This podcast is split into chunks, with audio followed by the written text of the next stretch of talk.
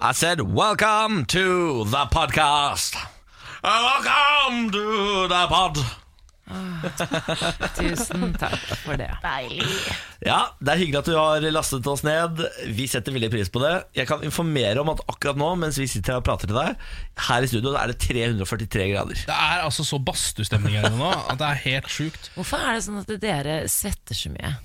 Det er fordi vi er Det er et godt tjukke. spørsmål. Ja, Nei. ja, Men det er mest fordi vi er menn. Ja, men, Eh, fordi Å, ja. dere kvinner er jo altså så kalde. Jeg skjønner ja, ikke det er hvordan det det er, faktisk. mulig. Men det er jo Eh, bevist da, at kvinner er kaldere enn menn. Ja. Men det er også altså, det er også sette- bevist at menn har den riktige temperaturen i kroppen, og at kvinnen sin er for lav. Men vi burde jo egentlig vært varmere fordi at vi har ofte mer underhudsfett.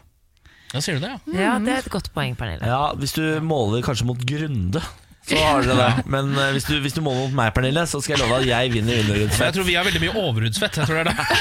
Jeg tror det er derfor. Du er mye begge skalaer her. Altså. Ja, Ja. Dette er Morgenplan 1. Nå skal du få kose deg. I dag har vi hatt besøk av Henrik Asheim, som har snakket om Rødt sin framgang i Oslo. Han har snakket om eh, sin guttetur til Polen. Og vi har hatt besøk av Grunde Myhrer, som har fortalt oss om Ikea.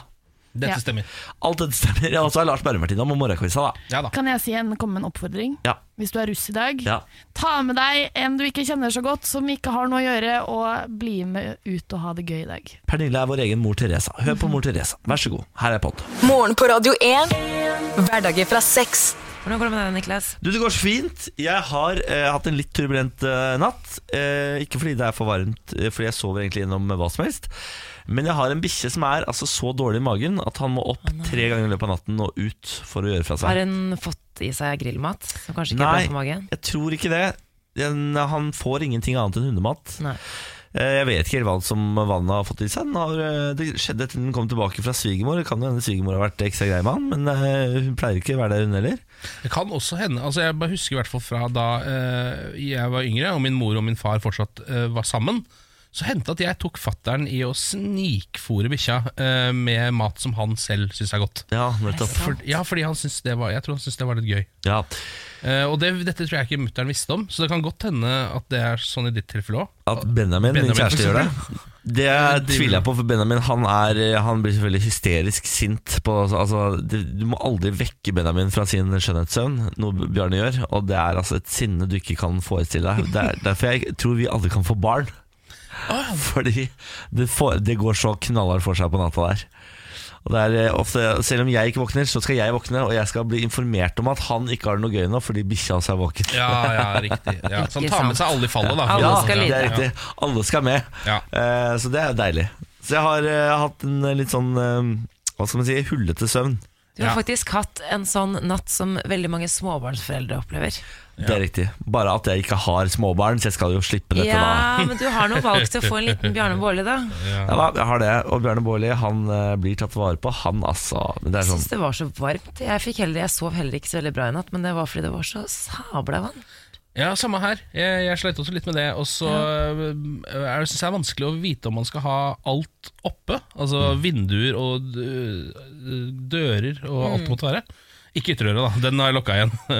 Men alle de andre dørene. Jeg kjører alt oppe, jeg. Ja, ja, for det gjorde jeg også. Og så øh, ombestemte jeg meg midt på natta fordi jeg ikke fikk sove, og fordi det var så mye bråk utenfra.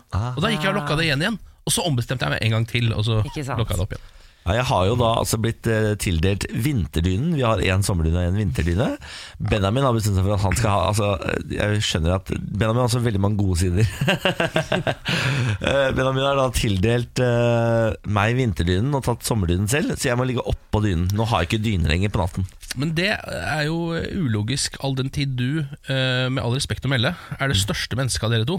Og dermed sannsynligvis også er som en slags menneskelig varmepumpe i den Ja. senga, eh, sammenlignet med han. da Du må ikke gå rundt og tro at vi tar eh, valg basert på hva som er fornuftig i vårt forhold. Ja, det kan jo Det være litt dårlig å begynne med det, sånn- ut ifra hvordan vi beholder roen. Ja, For det er hvem som vinner hver kamp, selvfølgelig. Det er riktig. Som tar med seg det. Alt er en krig, og den som står igjen som krigsseirende herre, han får vinterdyne, sommerdyne, eller får gått med Bjarne på natten, eller lignende. Er det vanlig parforhold, dette her, Samantha? Eller det sånn? Jeg vet ikke. Nei. Egentlig ikke. Men nå er det jo slik at jeg har jo fått uh, sommerdynen. Ja, ikke sant?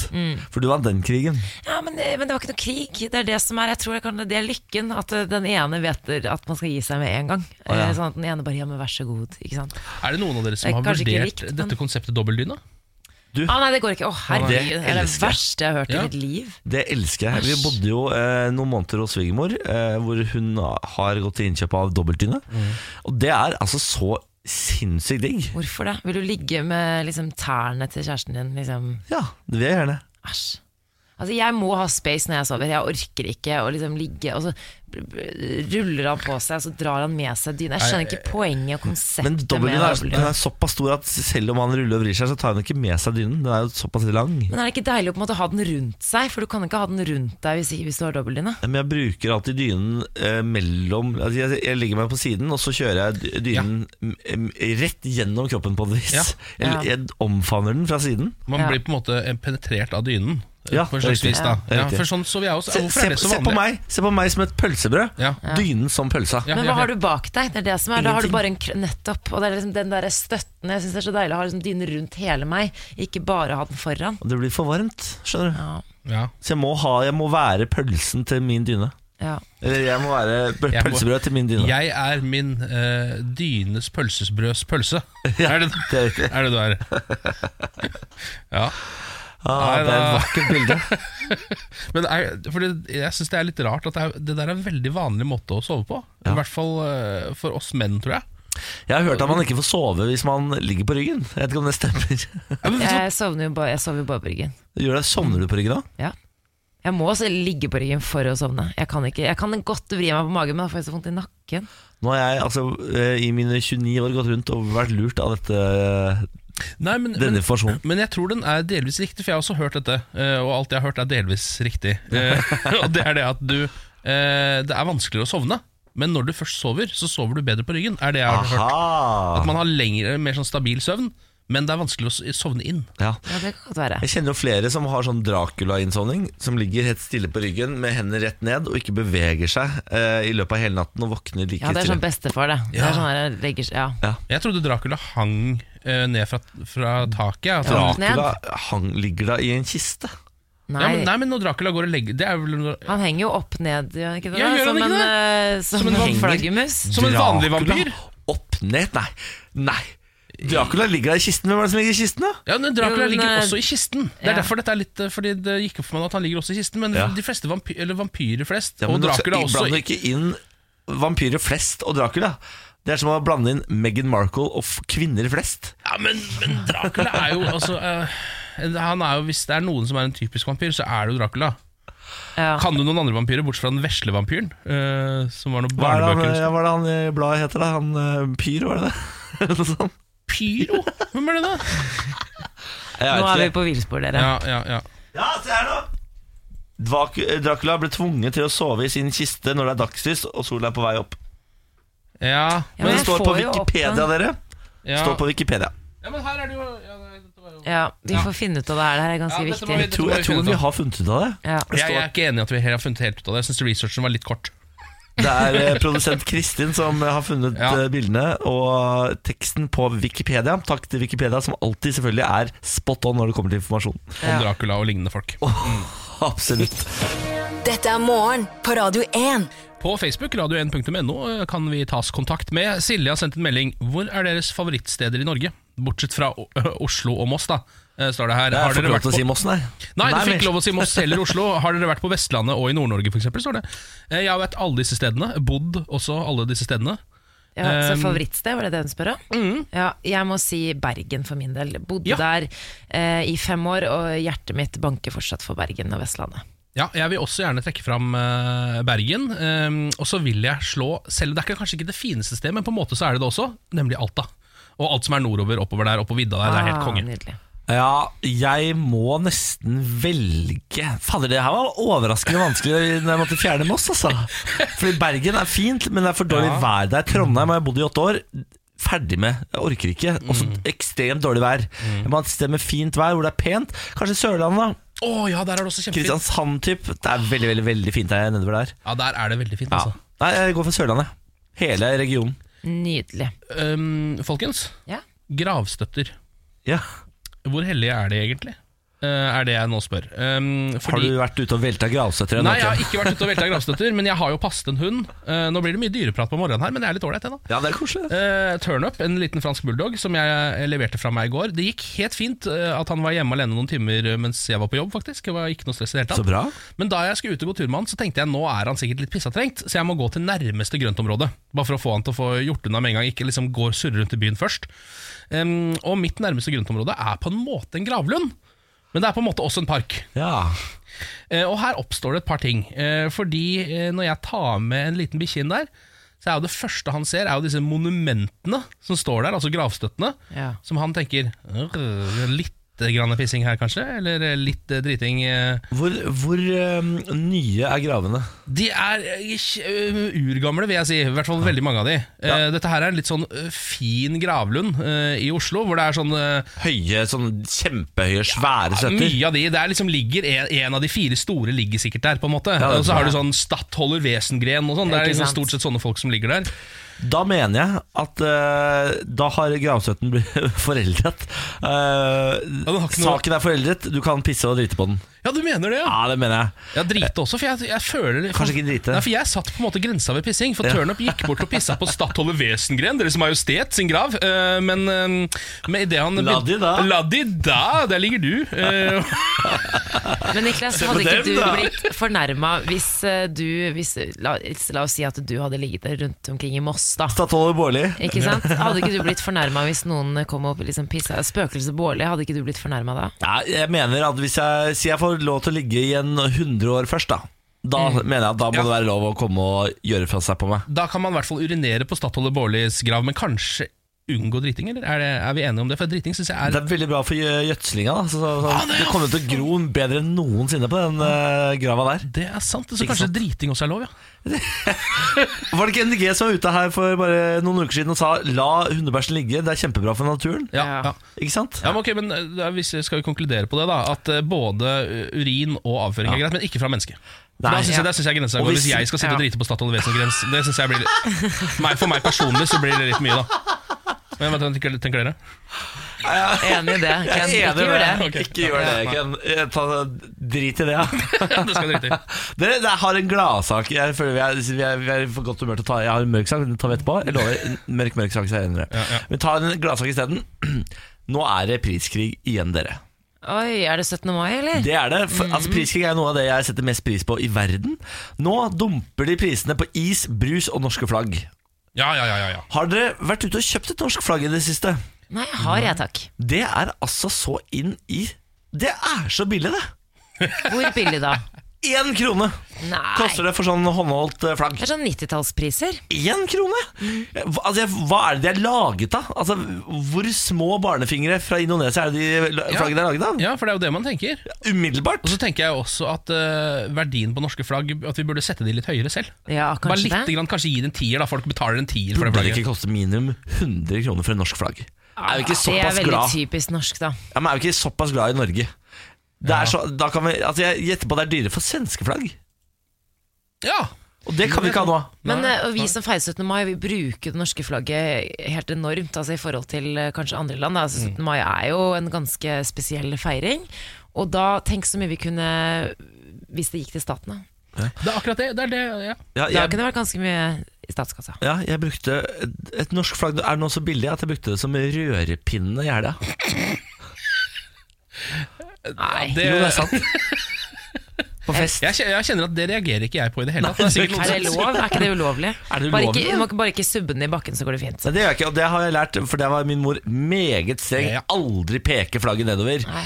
Da f fikk jeg skjenn når jeg kom frem i 17. mai-toget. 'Jeg så deg, Niklas. Det flagget var ikke pekt oppover, det', sa mor da. Da sa jeg 'beklager, mor, beklager, Jeg må, må ikke slå meg, må ikke slå meg', sa jeg da. da. Da bodde vi i Stavanger på det tidspunktet. Ja. Dere vil snakke litt om eh, Gaza-protestene. I går var den blodigste dagen i Gaza siden 2014. Minst 55 palestinske demonstranter ble drept. Over 2000 er skadet etter at den israelske hæren skjøt mot menneskemengden som sto og protesterte. De protesterer i forbindelse med åpningen av den amerikanske ambassaden i Jerusalem, som ble flyttet fra eh, Tel Aviv. Dette var en avgjørelse som eh, Donald Trump tok for en stund siden, og det har blitt møtt med kritikk fra eh, ja, nesten alle hold. Ja. Ja. Eh, utenom Israel selv, da, selvfølgelig. Eh, og dette har utviklet seg til å bli et blodbad uten like. Det var, har vært en konflikt der lenge, og nå blir det eh, rett og slett verre. Ja. Det ser ikke bra ut. Nå er det jo 70 år siden Israel eh, ble en stat, og de forventer jo at det skal bli verre også. Jeg tenker sånn, eh, når skal det her bli bedre? Ja. Det lurer jeg på. Nå så jeg en overskrift hvor det sto Dette kan ikke lenger løses eh, på en fredelig måte. Så nå Nei. lurer jeg på om liksom håpet har rent ut. At man nå må krige seg ferdig, som man jo ofte gjør i konflikter. Man kriger seg ferdig til én side på en måte har tapt, og så er det en seiersherre, og så kan man begynne å eh, bygge opp eh, noe nytt. Men det handler jo også om andre lands anerkjennelse av Israel som stat. Fordi de har altså, Det er jo det landet, da. Det er, Jerusalem som by er jo hellig for mange typer religioner og mennesker, og de kriger. De kommer jo ikke til å gi seg. Palestinerne vil jo ha eh, en del av landet. Ja, den, altså den i gamlebyen i Jerusalem, den er eh, jeg- var der. Eh, Den er overraskende. Altså fordi Der er jo de få eh, mm, eh, muslimene som får, lov til å ferdes fritt rundt i Israel. De kommer fra gamlebyen i eh, Jerusalem. De har da fritt pass. De får eh, israelske skilter og pass fra begge sider. Og den gamlebyen er liksom delt i to. Og Der står det vakter på hver sin side. Og så Hvis du er i den ene delen, så er du da i den kristne delen. Og så kan du gå fem skritt, og så er du plutselig i den muslimske delen. Og da er verden helt annet. Det er som å være et annet sted i verden. Og så er det altså er, Disse disse kriger jo hver eneste dag. De kaster stein. Altså det er, det er så merkelig, merkelig, merkelig. merkelig Og når du går der nede, så mister du all tro på at dette her kommer til å gå over noen gang. Ja. Fordi du ser de der settlementsene oppå Åsen og sånn, og tenker sånn Dette her går jo aldri over. Ja, og nå det aldri er det jo liksom sånn Det er ikke bare en konflikt lenger. Det, har jo blitt, det er jo på en måte eh, kultur også nå, hvis du skjønner. Ja, ja. Altså, det er sånn, nå har det vært såpass lenge at det er sånn folk er, Det finnes generasjoner som på en måte er oppvokst med dette. Altså Barna på, i Betlehem, jeg var en tur i Betlehem, som er da på palestinsk side. Hver fredag så har de en aktivitet, for det er, sånn, det er bare verden de kjenner. De stikker, og så kaster de stein på vaktene, sånn at de kaster tåregass tilbake. Og det er bare fredagsaktivitet. Det er Ja. ikke helt sikker på hvorfor de gjør det, nesten. Ja. Eh, Så så Jeg tror de er klare over hvorfor de gjør det, forresten. Ja, men det er, det, altså, Ja. det, det er liksom er bare en del av hverdagen, da. Ja. Uh, og jeg, tror ikke, jeg tror ikke det der kommer til å gi seg f- på noen generasjoner, jeg. Nei, Nei. dessverre. dessverre. Morgen på Radio 1. Vil du delta i verdens største orgie? Ingen, ingen svar? Ja. Han er så flakkende blikk nå. ja, jeg ville se om det var noen av dere som beit på Hvilke, hvilket land er vi? Las Vegas. Det er vel kanskje ikke et land, men det er i USA, da. Vi er i Eh, USA, ja. Ja, det, vi nærmer oss et ja nå. Ja, eh, Den avholdes da 2. juni, verdens største orgie. Da må dere må ta kontakt med eventbyrået Menage i Las Vegas Jøsse for å kunne være med på dette. Eh, Passende navn. Ja, det er ganske passende navn. Det koster 200 dollar for par eh, og 25 dollar for single kvinner. Ingen menn får delta. Ingen single menn får delta? Ingen er det det menn. diskriminering, eller? Nei, men det har bare blitt menn, vet du. Ja, du kjenner, dette her er jo et klassisk eh, problem fra swingersmiljøet også, uh, har jeg skjønt. Hvor det er sånn Hvis du skal inn uh, på en sånn swingersklubb, så hvis du er i et par, så koster det sånn 100 spenn eller sånn. Hvis du er singel kvinne, så kommer det inn gratis. Og hvis du er singel mann, så må du ha 10 000 kroner.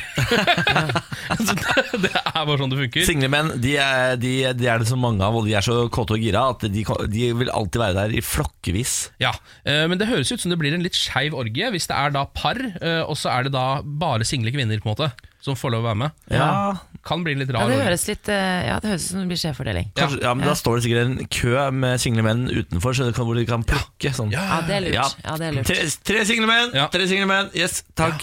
Sånn dørvaktsystem. Det, er, det kommer sikkert til å bli noe silesystem der. på Ja, et eller annet ja, vis, ja, Ehm, rekorden til nå for verdens største orgie Den ble satt i Tokyo i eh, 2006. Da var det 500 mennesker som deltok. De håper nå å få 1000 mennesker til å fristes til å dra til Las Vegas. Det er såpass, ja! Ja, det er 1000 folk. Mennesker. Ja. Eh, Det som er litt trist, er at Guinness rekordbok de kommer ikke. eh, Fordi, som de sier, de anerkjenner ikke verdens største orgie eh, som en rekord. Det ser er rart. Vel. Ja, det syns jeg også er rart. Alle de Ja. rare tingene som de tar for seg. Ja, og jeg, jeg anerkjenner verdens største orgie, det må jeg bare si. Eh, Det er en rekord som henger sånn, ah, ikke kjempehøyt hos meg, men høyere enn den som har spist flest burritos på fem sekunder, f.eks. Jeg ville gitt hvilken som helst person som har vært med i verdens største orgie, en high five. Helt enig! Ja. Uten problemer. Ja. Altså Heller det enn fyren som bakte verdens største loff, for Ja, eksempel. for eksempel, Sånn enig. utrolig Hæ, kjedelig verden, altså Brødbakst, kødder du? Det fortjener jo nobelpris hvis du har bakt verdens største loff. Ja, akkurat verdens største loff var litt dårlig eksempel. skal du Ja. ikke kødde med. Nei, Loff! ja, men hva- Loff? Loff? Er du Verdens så, største loff. er du så imponert svær- av loff, du da? Brødbakst imponerer meg alltid. Num. Dere, jeg har en guilty pleasure, som dere vet, og det er kjendisgossip. Yes. Og jeg føler at det er min oppgave å holde dere oppdatert på hva som skjer, så jeg tenkte jeg skulle ta en liten runde på det nå. Er dere Ja, klare? Ja. Vi må snakke om eh, dagens eller ukens snakkis i England, og det er nettopp eh, det kongelige bryllup. Vi kommer ikke unna det. Meghan Markle! Yes, Det nyeste er at Meghan Markles far trekker seg fra bryllupet. Det her er faktisk ikke bare gossip, det her er eh, facts. Nå har Kensington Palace også gått ut med en eh, melding. Men for å ta, det har vært mye greier de siste ukene, jeg skal ta dere gjennom det. Meghan Markle eh, skal altså gifte seg med prins Harry førstkommende lørdag. Det er faren Thomas, Thomas Markle som har vært i søkelyset den siste uken, først og fremst for en uheldig hendelse. Han eh, beskyldes for samarbeid med paparazzi. For forrige uke så fikk verden se paparazzi-bilder av Thomas Markle eh, sittende på et internettkafé i Mexico, hvor han satt og googlet bilder av Meghan og Harry, og leste om Windsor Castle og den kongefamilien på Wikipedia, blant annet. Eh, Nå viste det seg at eh, disse bildene var staged, fordi eh, overvåkningsbilder fra denne kafeen viser at det står en fotograf og liksom en meter bak han, og på en måte du ser at de samarbeider da, for Ja, å ta disse bildene. Han sier at han staget disse bildene for en spesiell grunn, ikke av økonomiske årsaker, men fordi han ville framstå mer liksom, ordentlig enn det, de forrige paparazzi-bildene. Han, har blitt- han er litt sånn, jeg vil ikke kalle han shabby, men de bildene får han til å fremstå som litt shabby. De Ja. bildene som har kommet til han eh, hittil. Så nå er jo- tenkte han sånn eh, Hvis dere skal ta bilder av meg, eh, så ta disse bildene hvor jeg googler min egen datter. Skjønner ikke helt greia. Men det er jo helt umulig for han å fremstå Porsche når han kjemper mot den kongelige familien i England på andre siden. Han Nettopp. kommer til å være shabby. Uh, og dette kom jo da etter at prins Harry og den britiske kongefamilien måtte sende ut et offentlig brev hvor de ba pressen om å gi fred til familien til Meghan fordi medietrykket på moren og faren hadde blitt eh, for heftig. Så det så jo ikke så veldig bra ut. Og nå uh, sier Thomas Markle til TMC, kjendisnettsted i USA, at han trekker seg fra, bryllupet. Ifølge han er det pga. et hjerteinfarkt han fikk for noen dager siden, men også fordi han ikke har lyst til å ydmyke datteren og kongefamilien ytterligere. Og nå er det altså full kaos, fordi han skulle jo føre Meghan Markle opp eh, alteret. Eh, Kensington Palace har kommet med en offentlig uttalelse. Dette er et dypt personlig øyeblikk for Markle i dagene før bryllupet. De ber om respekt for skuespillerens far. Jeg blir eh, Jeg får litt vondt av det. jeg. ja. mm. Altså, stakkar eh, Thomas, var det det het? Ja. Ja, stakkars Thomas som bare har lyst til å prøve å fremstå litt bedre, hvis det er sannheten, da. eh, Og prøver å stage noen greier, og er liksom litt lurvete og fremstilt uh, shabby. Ja. Og så bare vil det ikke seg, og så får han hjerteinfarkt oppå der igjen. Ja, det Stakkars fyr. Og prins Harry og Meghan Markle De har gått ut eller gjennom da eh, kongehuset sagt at de ber om forståelse og respekt for faren som er i en vanskelig situasjon. ja. Litt trist. Men nå er det, for det er vel andre eh, familiemedlemmer til Meghan Markle som faller bort, er det ikke da? For det er vel allerede broren? er det Ja, ikke han det? halvbroren er veldig han er sinna. gæren. Ja, Han er ikke han, han er invitert. litt smågæren, ja. Dette bryllupet minner jo mer og mer om eh, Mette-Marit og Krompen på et vis. Vi hadde vi hadde jo Sven nå, som også holdt på sånn her i dagene før. Ja, stemmer Ja, det. ja, Svenne og han også var god på å se og høre deg en stund. Ja, ja, ja, ja, ja. Så dette her har- kan vi dra hjem til Norge. Og hvem vinner? Jo, det er eh, prinsessen. Hun kommer til å vinne folkets hjerter. Ja, ja, ja. Ja, ja, ja, ja, ja. er du gæren? Ja, da? ja. Meghan Markle kommer til å vinne folket. Ja, Morgen på Radio 1. Hverdager fra sex. Vi snakker litt om flukt fra politiet. Jeg så en film eh, i går som heter Catch Me If You Can. Ja. Som er med Leonardo DiCaprio og Tom Hanks blant andre. Den er god, den. Den er god, den. Den er det god, den. handler om eh, politiets evige jakt etter en eh, smooth criminal. En lur kriminell fyr, spilt av Leonardo DiCaprio. Og da tenkte jeg sånn eh, Hvis jeg hadde eh, drept noen eller begått en større kriminell handling, eh, hvordan hadde jeg eh, flyktet fra politiet, og hvor hadde jeg gjemt meg? Mm. Oh, oh, oh, Fordi det er faktisk ikke så lett å bare dra til flyplassen og dra. eh, Og så begynte jeg å tenke på det. og Jeg vil gjerne ta en runde med dere. Tenketanken. Velkommen inn i Tenketanken. Kjære du som aldri har vært her før. Dette er det mykeste, deiligste rommet Radio 1 har å by på. Her er veggene hvite puter. Du kan kaste deg fra side til side, sånn eh, tankemessig. Du vil alltid bli tatt godt imot. Ja. Du må ha på deg din mykeste stemme Hallo. og snakke Der, ja. rolig. Ja. Og her skal vi nå diskutere drap. Ja, eller Nå vil ikke jeg oppfordre til kriminelle handlinger i tenketanken, for det er heller ikke lov. Nei. Nei. Men det er jo hypotetisk, det her. Eh, hvis dere hadde eh, drept noen eller ranet en bank. Tenk litt sånn Bonnie and Clyde. Eh, hvordan hadde dere flyktet? Dette her har jeg tenkt på så mange ganger. Okay. Min fluktrute er følgende. Jeg ville drept et menneske, etterlatt det hjemme hos meg. Ja. Eh, og så ville jeg gått på internett og googlet hvilke land vi ikke har en utleveringsavtale med. Så Ville ville du gjort det i den rekkefølgen? Jeg ville gjort det i den rekkefølgen. Eh, for jeg antar at jeg har ikke noen planer om å flytte før jeg på en måte har drept et menneske. Nei. Så jeg må anta at dette skjer i etterkant. Så finner jeg hvilket land, og så begynner jeg å ta opp rolig. Så begynner jeg å ta opp uendelige mengder med sånn SMS-forbrukslån. Si jeg tar opp en 4-5 millioner kroner i sånn forbrukslån som du får sånn, mm. eh, og så fører jeg alt over på én konto. Så stikker jeg til Gardermoen, kjøper én billett, rett ut av landet, og så bosetter jeg meg i si, eh, hvis de ikke har utleveringsavtale, Colombia. Men jeg har et spørsmål, Niklas. Hvis politiet er etter deg, så får du faktisk ikke reist med ditt eget pass. Du Men blir de, stoppet. de vet ikke at de er etter meg, fordi det, det tar jo et par døgn før de finner dette døde mennesket hjemme hos meg du må faktisk bare gjøre det med en gang. På dagen. Bang. Rett ut. Jeg hadde ranet en bank fordi jeg har lyst på masse penger. Og så hadde jeg, jeg hadde gått sånn all in. Jeg hadde kjøpt parykker. Jeg hadde eh, altså endret utseendet mitt totalt. Morsomme briller, kanskje? Eh, ja, og så ville jeg satt meg på Kiel-ferga. Kiel-ferga? ikke la meg le i dag. Hvor, hvorfor den saktegående Fordi Kiel-ferga? jeg hadde sittet der. Fordi ingen hadde lett etter Ikke le i tankene. Unnskyld. Unnskyld. Nei, jeg hadde startet ferden min der, da, så hadde jeg bare Jeg vet ikke. Leid en bil, eller? Ja. Hvor du vet hvor du, hvor du hadde endt opp da? Nei. Kiel. Ja, jeg, Beklager. ja, men jeg hadde, jeg hadde jo dratt videre, da. ja. Men det er noe, det er noe eh, sexy med å flykte på en båt. Det kan jeg være litt Og da spesielt Kiel-ferga. Er det sexy? Ja, men det fins det finnes jo ikke så mye her, da. Jeg ville ha drept et ganske lite menneske. Et barn? Eh, nei, nei, nei, nei, nei, Du, det er ikke lov å si. Er, bare, bare, altså, det, det er ikke lov å si at man skal drepe barn, men små voksne er det lov å si. At, altså bitte små voksne. Kortvokste? Nei, ikke, ikke, ikke kortvokste, bare lav. Hva har du imot Jeg har ikke noe mot kortvokste, det er derfor jeg ikke vil drepe dem. Ikke så mye energi, tenker jeg. beklager. Men jeg hadde drept en ganske petit eh, person. Og så ville jeg sånn at den, denne personen må få plass i en koffert. For det jeg ville gjort, er at jeg ville tatt med personen ut på flukten. Og starta flukten med personen. Det er livsfarlig, men det er også veldig smart. Fordi det vil si at da finner de ikke denne kroppen. Så jeg flukter på en måte før politiet har funnet kroppen, så de vet ikke at jeg har drept noen. Ja, men Hva hvis du blir tatt med i kofferten? Ja, men de sjekker jo Det er jo samme, det er jo samme jeg skal gjøre. Jeg tror kanskje Du- du Niklas- Din, din person ligger jo hjemme i leiligheten, så de finner jo den Benjamin har jo kommet hjem fra jobb. Ja, men der, er, Og se, kanskje- der ligger det en daud person hjemme hos deg. apropos, petit, men kanskje Benjamin har drept dere, dere blir tatt, og jeg sitter på Kiel-ferga og koser meg. Og drikker eh, strawberry dackery sammen Ja. på sjuende dekk. Ja, Ah, Jeg, tok, tror, jeg, jeg, tror jeg vinner den, jeg. ja okay, klar. jeg tror vi har blitt tatt alle sammen. jeg. Tenkte jeg hadde levd det livet i Colombia på SMS-land. Morgen på Radio 1.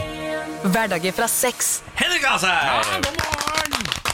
Vår faste huspolitiker er på plass Elsker å igjen. starte tirsdagen med applaus. Ja, det er ikke deilig? Det er ikke hver dag. Det er for lite applaus for eh, politikere, eller? Ja, jeg kanskje? syns det. Jeg syns det. Jeg fikk i går en mail fra min utleier hvor det sto Jeg beklager, jeg må si opp eh, avtalen. Dere må flytte ut om tre måneder. Noe som jo er eh, i hennes eh, fulle, fulle rett, eh, fordi det er det er noen barn som skal inn og bo der. og noe greier.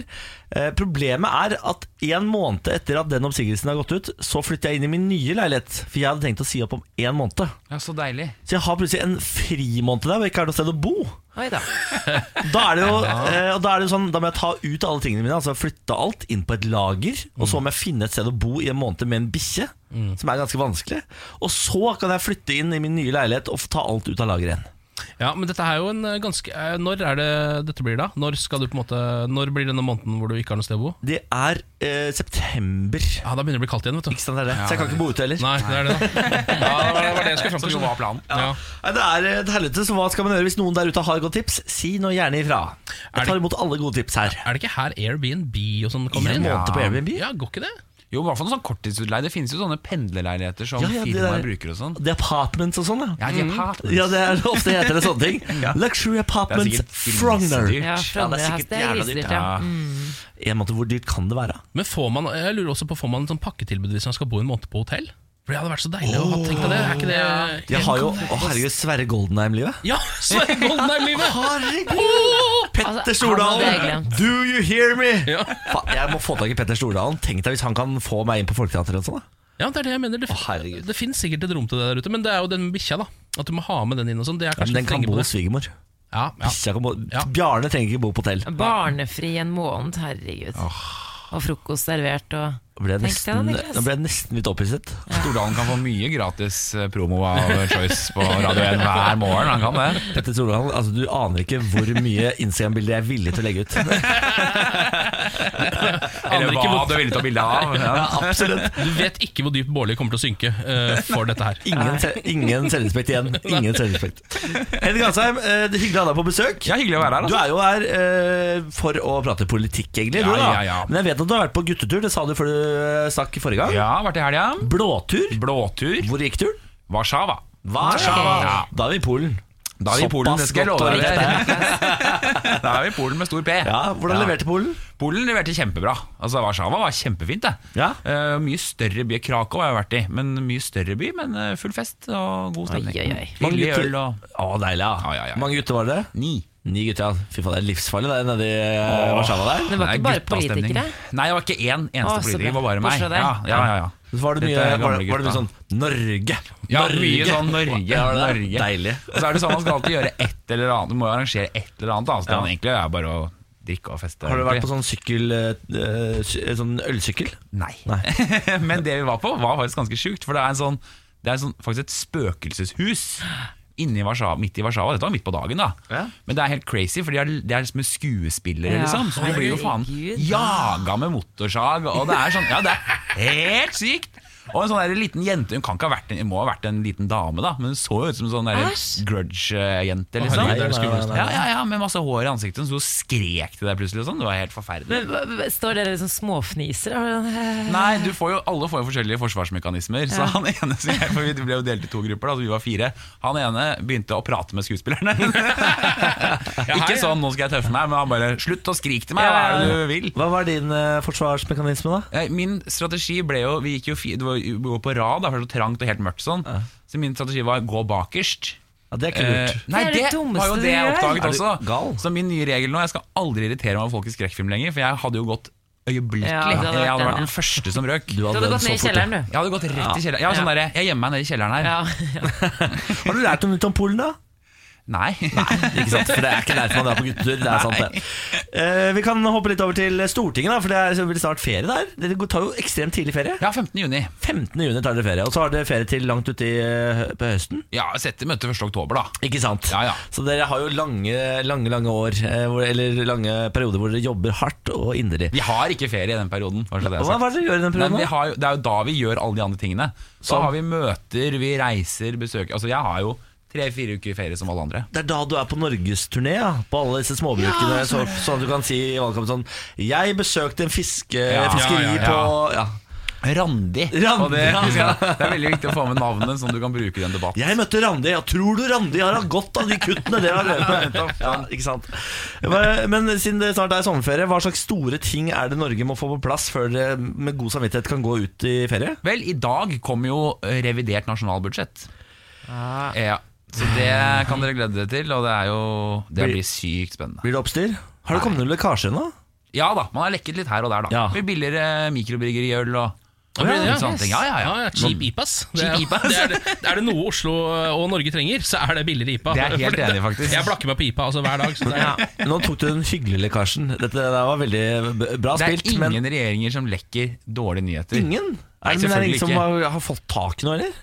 Nei, dette får du se klokken 11 i dag. Ok, Så da kommer, da kommer Men- Støre ut og er for, misfornøyd. Og, Nei, Det er faktisk eh, nesten like kjedelig som det høres ut. eh, Revidert nasjonalbudsjett For det er jo bare statsbudsjett. Og så er det sånn, nå har det gått et halvt år. Det er litt som borettslaget. Sånn, det blir litt mindre på Ja. potteplanter. Eh, Ja, så for er det sånn, da. ordet revidert, det er ikke så veldig sexy. Det er ikke det, altså. Nei. Og det er det meningen at det ikke skal være heller. Nei, ok, ja. Så, men jeg lurer på, når når dere tar på en måte ferie, da, eh, eller i hvert fall er utenom eh, de byggene dere vanligvis er i, Ja. hvem er det som styrer landet da? Da styrer regjeringen landet. Ja, ikke sant? Det er for såpass de er på jobb! Ja, ja, ja. Så de Ja. kan ikke, men de kan ikke da gjøre noe som trenger Stortingets godkjenning i den perioden. da Nei. Og hvis de må det, så må de innkalle Stortinget. Men er de Ja. på jobb hver eneste dag? Hvem Altså, da? eh, regjeringen, er, Kommer de på jobb og sitter der fra Ja, ja, ja, ja. åtte til fire? De gjør det. ja, ja. Så Erna Solberg har ikke sommerferie? Eh, jo, men når hun har sommerferie, da er det Siv Jensen som er statsminister. Nettopp, ja. Sånn fungerende statsminister. Ikke sant? Jeg må eh, En gang hadde NRK P3, hvor jeg jobbet før, eh, lagt så dårlig feriekabal at jeg var toppsjef i P3 i to uker. Fordi de hadde oversett Så da, det, det var sånn, da var både Erna Solberg borte, Siv Jensen var borte, og liksom hele regjeringen. Så de hadde gått ned til eh, resepsjonisten, meg, og sagt sånn Kan ikke du være leder? Så, så, så, sånn kan skje. Så bare Det er håper dere har sett på. over ja. skjemaet. Det er helt sykt, Men ble det sånn øl i lunsjen og nå går vi ut og tar en is der og sånn hele tiden? Nei, jeg, jeg turte. Jeg satt helt stille. Ja. Jeg satt helt stille og håpa at nå må ingenting skje med noen eller noe. Det var synd at ikke dette var mer snakk om, for jeg jobba jo også der. da Jeg kunne jo utnytta meg dette Ja, Du kunne fått lønnsfølelse, du, Ken. grovt vis. Jeg hadde gitt deg lønnsfølelse på flekken. Det er det jeg mener. Morgen på Radio 1. Henrik Asheim, vår faste huspolitiker, sitter for Høyre på Stortinget. Eh, hvilken komité er det du sitter i nå? Finanskomiteen. Finanskomiteen er Jeg det du sitter leder den for å ikke være han, men jeg gjør faktisk det. Du leder den, beklager. Ja, det er Deres Majestet. informasjon. La di da, la di da. Ja, takk. Jeg ser Bøy det. dere i støvet. Jeg ser det på dressen, selvfølgelig. Ja, ja, ja, ja. Jeg skjemmes. Du, La oss snakke litt om noe som ikke er så hyggelig for den dressen din. Eh, nemlig det at Rødt plutselig har blitt eh, no, eh, Oslos tredje største parti. Ja, er ikke det litt fint? Ja, syns du det? Nei. Hva er det som skjer nå? Nei, jeg vet ikke. Eh, for meg så er det rart at et parti som Rødt plutselig vokser i 2018. Ja. Hvor verden er så glad i penger og velstand. Det er jo ikke alle som er det. Og fremvekst ja, er det, ja, åpenbart ikke, da. Men hva er det dere gjør feil som gjør at uh, Bjørnar Moxnes sitter med 9,3% på målingene? Eh, Akkurat det er ikke vi som har gjort noe feil, det er at Arbeiderpartiet har gjort noe feil. Men renner de da ikke over til SV? Ja, det, jo, men det er det som er ikke sant? Den målingen i Oslo, da. Så Ja. har jo Ap gått tilbake til 25, fra 33 til 25. Ja. Og så har Rødt gått fram, og SV gått fram, det samme som Ap har gått tilbake. Ja, altså De deler på det, da? Ja. Nettopp. Sånn at Det er jo velgere som er på venstresida, og som syns Arbeiderpartiet er for utydelig. eller noe sånt Ja. Og så tenker de nå skal jeg faen meg klin til. Det kan hende at ikke de ville gjort det på en valgdag, men de gjør det i hvert fall på meningsmåling når noen ringer og spør. da Rødt har nå tre representanter i bystyret. Hadde valget vært i dag, så ville de doblet det antallet. Ja. Hva ville det ha å si for hvordan Oslo ser ut? Hvis den målingen hadde slått til, så hadde det jo akkurat vært rød-grønt flertall også. Ja. Så Ja, da, det ja, har det ganske mye å jo, si, det. Ja, det har veldig mye å si. Altså Hadde det blitt borgerlig flertall, så hadde det jo ikke hatt så mye å si. Men da sa jo Raymond Johansen selv også, da er han åpen for å ta Rødt inn i byråd. Ja. Uh, og da får du jo et veldig radikalt altså Det er en av de tingene som jeg mener er litt rart. Altså Mye sånn diskusjon med norsk, er norsk presse venstrevridd osv. Det mener jeg ikke at det er, men jeg mener at man ser det litt når det kommer et parti som har i programmet sitt at de skal oppheve Stortinget uh, og sånne ting som det. Så blir de fremstilt bare som litt snillere eller litt mer for velferd enn Arbeiderpartiet er, eller SV er. SV tok et oppgjør med dette på 70-tallet, liksom. Ja. Uh, mens Rødt har faktisk ikke gjort det. Uh, og da er det litt spesielt at ikke ett kritisk spørsmål kommer når vi andre står i så mange av dem. Så det er journalistene som svikter her, ikke Høyre. Ja, jeg mener faktisk det, og jeg mener at det er en sånn uh, altså Journalistene har jo diskutert dette før òg, sånn hva skal vi gjøre med Rødt? Men så sier de men Rødt altså, det er et 1 %-parti, det får grense for hvor mye tid de skal bruke på det. Vel, nå er de jo ikke det lenger, eh, og de er jo inne på Stortinget, og de kan bli tredje største parti i Oslo. Og da mener jeg at akkurat som de har spurt f.eks. Fremskrittspartiet, eller SV for den saks skyld en gang i tida, så bør de også spørre Rødt om innholdet i programmet deres. da Men hvilke eh, punkter i programmet til Rødt er det du tror treffer så voldsomt, da, som dere kanskje burde eh, lytte litt til? For det er jo åpenbart noe dere har å lære her. Jeg, altså jeg tror at det de har fått til nå, er nettopp har, Det er ikke helt uviktig at Arbeiderpartiet har implodert litt. da? Så Det er mange velgere som vanligvis stemmer Arbeiderpartiet, som ikke gjør det lenger. Eh, SV har sopet opp en del av dem, og så er det en del som da tenker Rødt, altså Bjørnar Moxnes var han som foreslo først å felle Listhaug. Det var han som gjorde sånn og sånn. Så har du den ACER-saken, som jeg tror vanlige folk ikke bruker sånn kjempemye tid på, Ja. men som var svær i fagbevegelsen. Ja, der, der, altså denne ACER-saken, hvis du veldig kort skal forklare den For den, Min far ringte meg og sa du må ta opp denne ACER-saken. Han var helt gal, han var helt over seg. Ja. Jeg sa jeg skjønner ikke saken. Jeg får, jeg får ikke tatt den opp, jeg skjønner det ikke. Nei, altså Det er egentlig veldig enkelt. Og nå må du ha på filteret at jeg er for dette. da Ja, nå skal jeg ha på forfilteret. Ja. Eh, EU sier hvis vi skal klare å kutte utslipp i hele Europa, så må vi også dele på energien mellom land. Ja. Uh, og Det betyr at når Norge har mye uh, fornybar energi, så skal vi være en del Altså ACER er bare et byrå egentlig som regulerer prisene på energi, sånn at det selges mellom land. Og Det gjorde at uh, MDG for eksempel, var for ACER, for de mener at det er god klimapolitikk. Ja. Mens, eh, og Arbeiderpartiet var for, men SV og Rødt var mot. Eh, og hvis Moxnes da har kjørt på i fagbevegelsen mot det, så kan det hende at en del av de som vanligvis stemmer Arbeiderpartiet, sier rødt. Men siden eh, du er for, bare gi oss tre av de motargumentene, så vi har de òg. Ja, altså Det som er et argument mot, er at noen mener at vi gir fra oss kontrollen over energien vår til EU. Det høres ikke bra ut. Nei, men det er jo, mener jo jeg heller ikke er sant. Ikke Så det er liksom vanskelig å ha en debatt med seg selv. Jeg elsker at jeg får deg til å ta til Da kan jeg klippe det ut. Jeg bare tenker, altså, eh, Rødt er jo, sånn, er jo et ganske radikalt parti. Eh, Veldig, og da veldig tenker jeg radikalt. sånn, Kan man se på det som et sånn tegn på liksom, at Norge begynner å bli så polarisert som det for eksempel er i USA?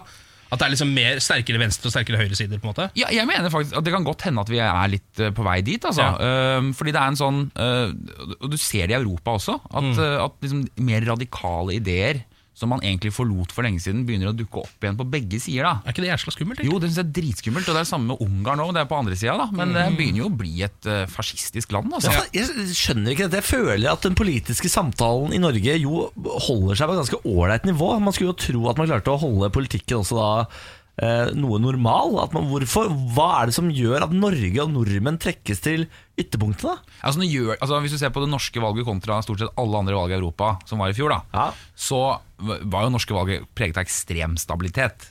Tross alt. Så det var ikke, vi er ikke det mest ekstreme utslaget, men du så noen utslag allerede der.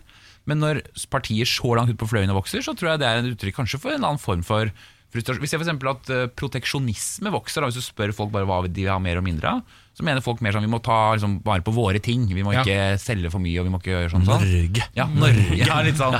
Og det er jo, proteksjonisme finnes jo både på høyre- og venstresida. Ja. Men ser man en forskjell i hva på en måte, de unge stemmer nå? Er det liksom sånn, i hvert fall sånn i storbyene og sånn? Jeg føler at det har skjedd en endring der. Ja, det, jeg tror de kanskje stemmer De stemmer nok mer til venstre da Ja. enn foreldrene deres gjør. Um, altså Skolevalget så fikk jo Rødt ganske høy oppslutning, f.eks. eksempel Men, um, men ikke liksom ekstremt. Altså, det er ikke sånn som en del andre land. Skal det være valg i Sverige i september? Det kommer til å bli ragnarok, men på andre sida Der tror jeg Sverigedemokraterna kommer til å gjøre et helt vanvittig godt valg.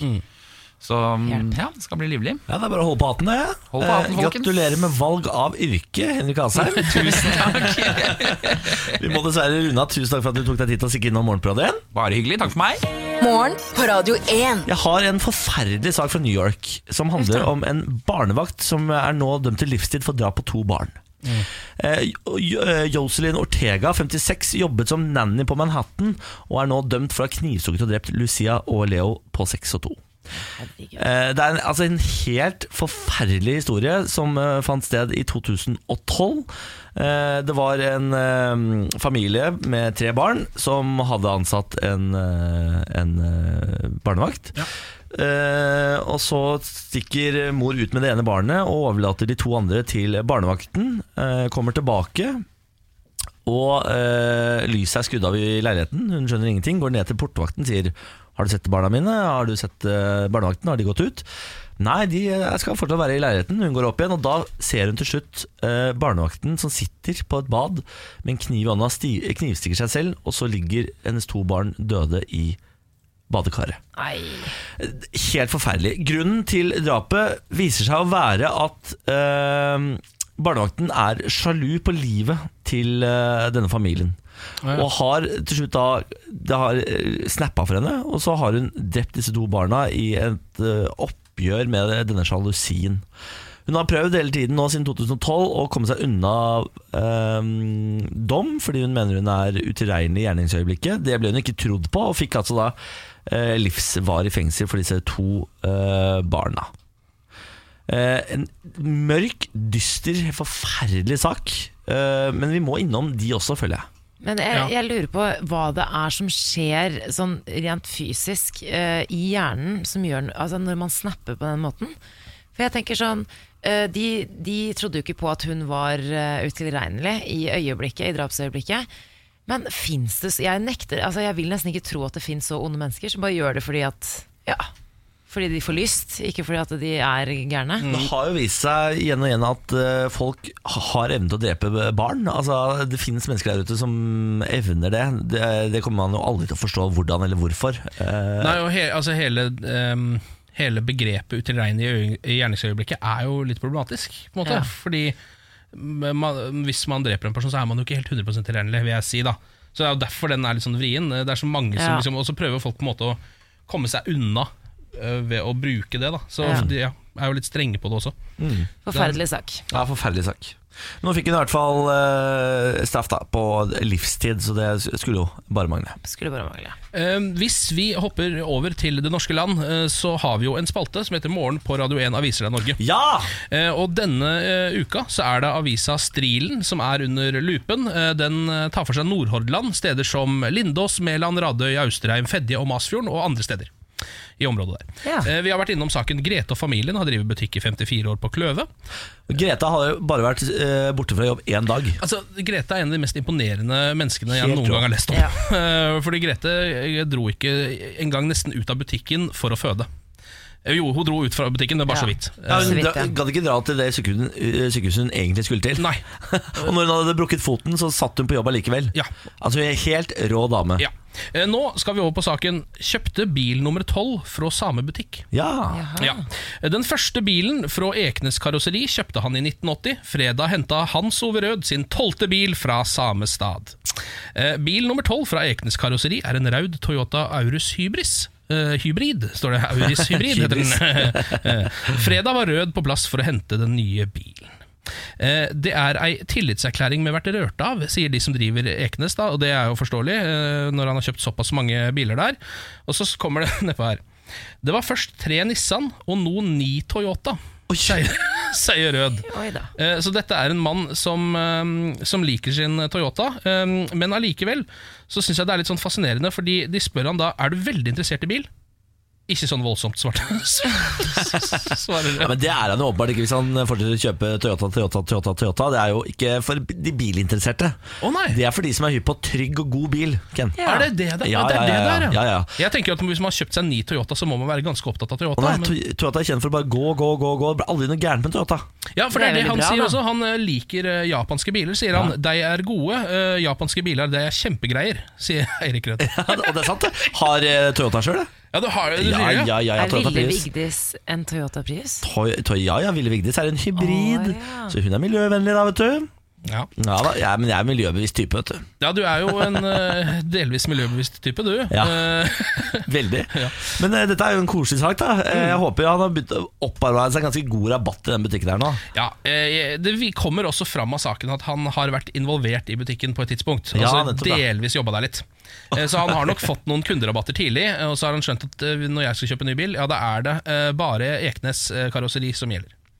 Tror du det er sånn i 2018 at hvis du bestemmer deg for ett bilmerke og går til samme bilbutikk eh, si tolv ganger, at du får noen særlige rabatter? Jeg tror du får noen gode avtaler du kan få deg hvis du har godt forhold til bilforhandleren din. Kan du det? Ja. Jeg jeg tror liksom det er tiden var ja. forbi.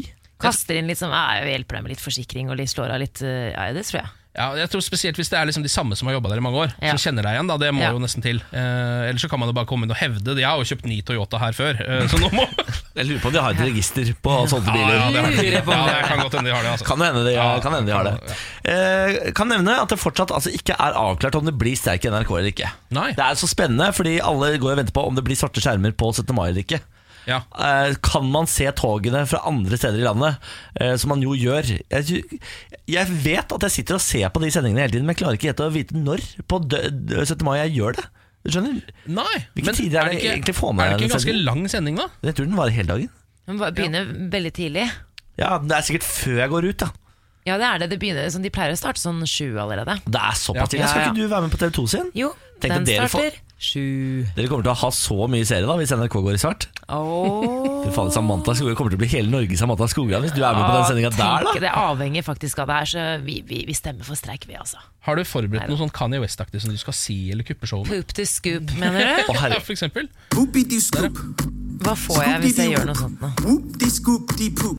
Aff, ah, Dere vil at jeg skal gjøre Jeg smeller på en eh, tonelapp, jeg, altså personlig. Da så. Da skal, Ja, jeg, tenke, da skal jeg klekke ut noe. Hvis du også kjører 200, da Ja, vi oppe jeg- i 400, da. Jeg heiver inn 200. Hvis jeg bare, hvis jeg bare liksom dropper sånn poop to scoop sånn inn Ja, du er litt sånn poop to scoop hvis jeg bare sier det litt sånn her og der. Hvis du bare sier poop to scoop, så skal du få uh, Skal vi si 500 kroner uh, til sammen fra oss to, eller? Ja. Er det okay, Ok, greit. Uh, Ja, det er greit. Hvis du får inn poop to scoop, men da skal vi også ha klipp av det. Ok, greit. Du kan også eventuelt bare ta én høy poop. Eh, det er også greit. Da skal jeg ha 1000. Jeg heier okay, faktisk ja. mer på poop. Skal vi si 1000 1000 for poop, da, Ja. og 500 for poop Ja. scoop? Ja. Vær så snill å få dette til å skje. Vær så snill. Morgen på Radio 1. Eh, I dag så kommer det en barberer hjem til meg Nei, nå må du gi deg. eh, for å barbere og klippe trynet mitt. Er det helt sant? og håret mitt. Ja, ja. Kjenner du dette mennesket? Nei. Herregud, er du, er, du, er, er du blitt overklassen? Ja, jeg er jo nå en del av overklassen. Eh, Jeg bestiller også øl direkte på døra hjem til meg selv. La de da, Deres Majestet! takk for det. Takk for det, takk for det. Um, og Jeg tenkte jo at dette var en kjempeidé. Jeg satt og holdt på med dette i går på internett. eh, Og det viste seg at Jeg bare tenkte det var greit å få klippa litt i trynet før uh, nasjonaldagen. Er det fordi du har fått lønn i dag at du uh, slår på stortromma? Ja, da slår jeg, alltid, slår jeg alltid på tromma. Men jeg, jeg pleier å stikke til barberer sånn annenhver måned omtrent. eh, For å få det rydda opp i dette trynet. Fordi jeg har eh, ganske mye hår i trynet, og det blir Mm. fort uryddig. For deg som ikke har sett Ken Vasenius Nilsen, se for deg Nå holdt jeg på å si Gollum, det er feil. Han derre Ikke se for deg Gollum! Ja. Han, er, han, han har veldig dårlig hårvekst. hva er kan- hva er det han het, han eh, dvergen i uh, Ringenes herre? Gimli. Gimli. Se for deg Gimli. Ja. Da er du ganske lik. Og så, ja, eh, jeg er bitte litt høyere enn Gimli, men ikke så veldig mye heller. Ikke så mye heller. Um, men eh, så jeg liksom så, så fant ikke noe, Fordi det er jo så tett på. Så det, alt var fullbooka. Men så var det ett byrå, eh, barberbyrå som dukka opp der. Som var sånn Ja, vi har time til deg i morgen. eh, kan komme klokka ett. Um, men vi har ikke noe, vi har ikke noe salong. Uh, vi har ikke noe barbersalong, så vi kommer hjem til deg. Og du stusser ikke litt over det? Jo, jeg stussa ganske lenge over det, men så Ja. tenkte jeg dette er min eneste mulighet. Uh, Og så tenkte jeg da slipper jeg jo å gå noe sted, og sånn, så sånn sett så er det jo bra. Men så uh, gikk det opp for meg at jeg har jo egentlig ganske tung angst for å ha fremmede folk hjemme i leiligheten min. Det er det dummeste jeg har hørt. Ja, vet du, jeg, jeg synes det er litt Jeg blir litt bekymret for det, Ken. Ja. Men jeg skjønner ikke, Hva er det du har tenkt på? Altså, for det første, du liker jo ikke folk. Nei. Du er folkesky. Jeg liker noen folk. Ja, du liker, no, du liker utvalgte folk. Ja, ja. Du aner ikke hvem som kommer hjem til deg. Nei, Snakker engelsk. Jeg fikk en tekstmelding i går. Snakker engelsk. Ja. Eh, du har vel heller ikke noe særlig utstyr Altså, Du har jo ikke en barberstol hjemme, har du det? Nei. Men dette er jo ting som Skal du sitte i sofaen? da? Det er det også. Jeg tenkte, Skal jeg sitte på dass, eller hvor er det jeg skal Hvor skal jeg liksom Og, og med jeg Fordi Folk som bestiller den tjenesten her De har jo sikkert De bor jo vanligvis i mansions, Ken. Du Men- bor i 37 kvadratmeter på Sankthanshaugen. Tror du folk som bestiller dette, har egen barberstol? Altså, Da har ikke de så mange kunder, tror jeg. Ja, men jeg tror de har, i hvert fall har en vanlig kjøkkenstol. Jeg, har, jeg ser Kjøkkenstol har at jeg. du bare har en sånn svart skinnsofa. Nei, ja. Jeg synes det er pussig. Men når du først eh, skal fikse skjegget, Ken, har du tenkt på å ha noe sånn 17. mai-tema? Eh, sånn Eidsvoll-bart eller noe, sånn som de hadde i, gamle der. Fy faen, det hadde vært så Hvordan bra. ser en Eidsvoll-bart ut? Jeg vet ikke om det er sånn snurrebart. Stor sånn trønderbart. Oi! Ja, For du har jo virkelig grunnlaget til å gjøre et eller annet der. jeg kan gjøre noe gøy, det er sant det. Ja. Eh, Jeg hadde egentlig bare tenkt å ta bort ganske mye av det. Det var liksom min første Ja. Kan du ikke bare kjøre sånn svær eh, trønderbart? Fy fader, du hadde sett så bra ut med trønderbart. da. Ja, Apropos Gimli. Ja, ikke sant? Ja, Gimli har jo trønderbart. han. Men du, når kommer denne bartemannen til deg? Etter, ja, tror jeg. Ok, men Jeg tror vi skal ringe deg sånn i totiden, og hvis du ikke svarer, så kommer vi Ja, ja men henter deg. seriøst! Ja. Gjør det. Du skal ha en fremmed engelsktalende mann med Ja. barberblad mot halsen. I ditt eget hjem. kjempe Jeg bare jeg altså, Kjempeidé. Kjempeidé. Dere cheerleadere i USA fortviler, ble tvunget til å kle seg nakne. Nei. Amerikansk cheerleading har igjen havnet i søkelyset etter at seks kvinnelige studenter skal ha blitt tvunget til å kle seg nakne foran medstudenter under et opptaksrituale i Kansas i USA. Såkalt hazing, har dere hørt om det? Ja, ja, jeg har faktisk hørt om det. Dette har jo begynt å spre seg til Norge også, har ikke det? Norske universiteter har også fått greiene her. Ja, det har jeg også hørt om. Eh, Det er, altså hazing det er jo sånne ritualer, eh, opptaksprøver om du vil, eh, hvor folk må på en måte gjøre litt sånn eh, pinlige ting for å komme inn i en viss gruppe eller organisasjon osv. Eh, to studenter har nå fortalt om ritualet eh, i Kansas. Det var altså for å komme med på cheerleading-laget i USA. Studentene skal bli be eh, bedt om å møte opp ved en bakke med løpesko. Eh, etter å ha løpt opp og ned i bakken ble de bedt om å legge seg ned på bakken. Så ble jentene påført bind foran øynene og ført til et hus eh, hvor de måtte eh, kle seg nakne. En av jentene ble plassert i en vaskemaskin. Eh, Plassert i en vaskemaskin. ja, eh, den andre ble plassert i en pappeske hvor de slo på siden av pappesken i en time. I en, I en time! Ja, og så eh, ble de ført i et rom hvor de ble bedt om å svare på en rekke spørsmål. Svarte de feil, så måtte de eh, faktisk eh, kle av seg. Da. Det var jo sånn de Ja, havnet nakne. Eh, hvor to av jentene eh, ble til slutt ført til et annet rom. De kom ikke med på laget fordi de var stygge. Nei. Det de. Dette har kommet eh, fram på en video, og nå skal det altså politianmeldes. Herregud, Det er jo en blanding av Guantánamo og en skjønnhetskonkurranse. Det høres ut som all verste situasjonen i hele verden. Miss Guantánamo. Det er en kjip skjønnhetskonkurranse. Altså. Det er forferdelig! Og det, var, så jeg skjønner ikke, det er jo tortur. Ja, det er jo det Det er der. tortur. Eh, Men de og starten på enhver homsepornofilm, faktisk. Bare at du har byttet med menn. Ja, ja, ja, ja. Det er så mye Frathouse Fraternity-videoer der ute. Ja, For det er jo også starten på veldig mange heterofilmer, for man har jo Ja. cheerleaderne der. Sier du det? Ja. Ja. Ja. nei, dette, vi fordømmer det selvfølgelig på det groveste. Ja, jeg, lo, jeg lo av det nå, men jeg fordømmer det selvfølgelig. Kommer på Netflix til høsten. Ja. Kunne blitt en reality, eller en dokumentar. Om Det blir det. det, blir det. Det blir mye sånn der, Hva er den mockumentaryen heter? Han, han fyren som liksom har tegna tisser på bilene. Ja, den ja. American Vandal. Ja, Den var ikke noe god, den. Nei, den var ikke sånn. Dette er et dårlig TV-tips. Jeg beklager det. Jeg legger meg flat. Morgen på Radio 1. Hverdager fra seks. Lars Fernando Berrum. Fernando Berrum, det var sånn det var. Ja da. Hyggelig å ha deg på plass, Lars Berrum. Det er Veldig hyggelig å være her. Du er jo her ofte for å quize denne gjengen. Som regel, ja. Er du klar for det igjen? Ja, jeg er jo det. Da sier vi snurr film. Lars Bærums morgenquiz.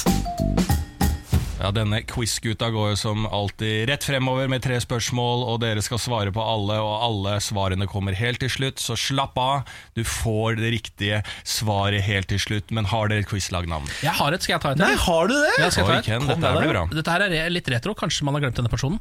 Quiz Hurley. Husker dere Liz Hurley? Nei. Syns du Liz Hurley? Ja, det var sammen med Hugh Hurley? Grant. Ja, Ja, ja, spilte i masse greier. Ja, ja, ja. Eh, Steff, hun er veldig flott fortsatt. Ja, det er hun nok, ja. Det er lenge siden jeg har sett Sikkert henne. blitt nå. tafsa på av Weinstein. Nei, men i alle Ja, det, dager. ja, det tror Ja, jeg. for For alle skuespillere, kvinnelige skuespillere har det. Han har tatt for seg, altså. Ja, men da fortjener hun Det er fett Ja. Quiz early. Ja. Ja, men da er eh, gruppa satt, navnet er på plass, og da går vi rett på spørsmål nummer én. Hvilken svensk house-gruppe står bak sangen Don't You Worry Child? Swedish House Mafia. Swedish House Don't you worry, don't you worry. Child. Cause heaven's got a place for you. Å, fy fader. Altså, det er halvt ekstrapoeng. Ja, takk for det, takk for det. Ja, ja. Eh, veldig bra, men vi får se om det er riktig helt til slutt. Da. Ja, da. Spørsmål nummer to. Hvor i kroppen produseres adrenalin? Oi, hei du. Hvor det produseres. Ja, Ja, dette er over, eh, Hjertet, Din fatteevne. Ja. over min fatteevne. Jeg kan ikke forstå at det kan produseres i kroppen i det hele tatt. Pumpes adrenalin i hjertet. Eller jeg føler at det er sånn Niklas tror ikke på at noen kan pumpe. Ja, Det lages ikke noe i kroppen. Det blir for sjukt for Niklas. Det kommer jo på, altså sånn, Hjernen må jo innom her, i hvert fall, Fordi den må jo registrere noe som gjør at det setter i gang. Men det er sikkert ikke den som Jeg tror ikke det er sånn, det, det er sånn eh, Når du opplever eh, spennende situasjoner, Ja. eh, så pumper nyrene ut adrenalin i ja, i kroppen. Det er, Men hva er det som pumper ting? Det er nyre. Lever kan pumpe, sikkert. Eh, Hjernen sender vel signaler. Ja, ja, ja, ja. Pumper ikke så Sånn mye, så det er bra, det. Ja. Jo en men jeg tror ikke adrenalin kommer rett fra penis. Nei, du din lille frekkas. Nei, hva faen kan det være, da? Skal vi, skal vi lever, lever eller nyre eller lignende? Hva med galleblæren? Skal vi den? Galleblæra? Nei, den, det er vel ikke der nede og Nei, den pumper bare galle, den, kanskje. Galleblæra. Den Den kan vel fjernes, kan den ikke det, Galleblæra? Ja, kan det? Ja, det kan vel gjøre. Ja, den kan fjernes. Kan den ikke det? Jeg tror du kan ta Jo. Jo da, galleblæreoperasjon. det tror jeg. Og da, du vil jo fortsatt ha adrenalin i kroppen, på en måte. Ja. Mm. Lever kan man jo ikke leve særlig uten. Nei. Men jeg tror du får adrenalin, adrenalin selv om du går på dialyse, f.eks. Ja. Så da er vi vel Hva er det du har igjen da? da? Er nyrene? Nyrene? da? Men tror dere ikke, ikke hjertet? Ja, selvfølgelig. Det kan kan være hjerte. Ja. Ah, skal vi gå for hjertet? Det, Ja, vi gjør det. det. Ja. ja. Hjertet som hovedsakelig pumper blod. Ja, og, og ja, sekundært pumper adrenalin. Ja, eh, ok, da, går vi, da er det endelig svaret på spørsmål nummer to. Da gikk vi for hjertet. Ja, hva gjorde vi Ikke det? nyrene? Nei, Ok, si nyre, da. Ja, Si nyre, da. Nyre, ja. Magefølelse. Nyrene? Ja, ja, ja. Ok. Spørsmål nummer tre. I hvilket land i Europa har de fire offisielle språk?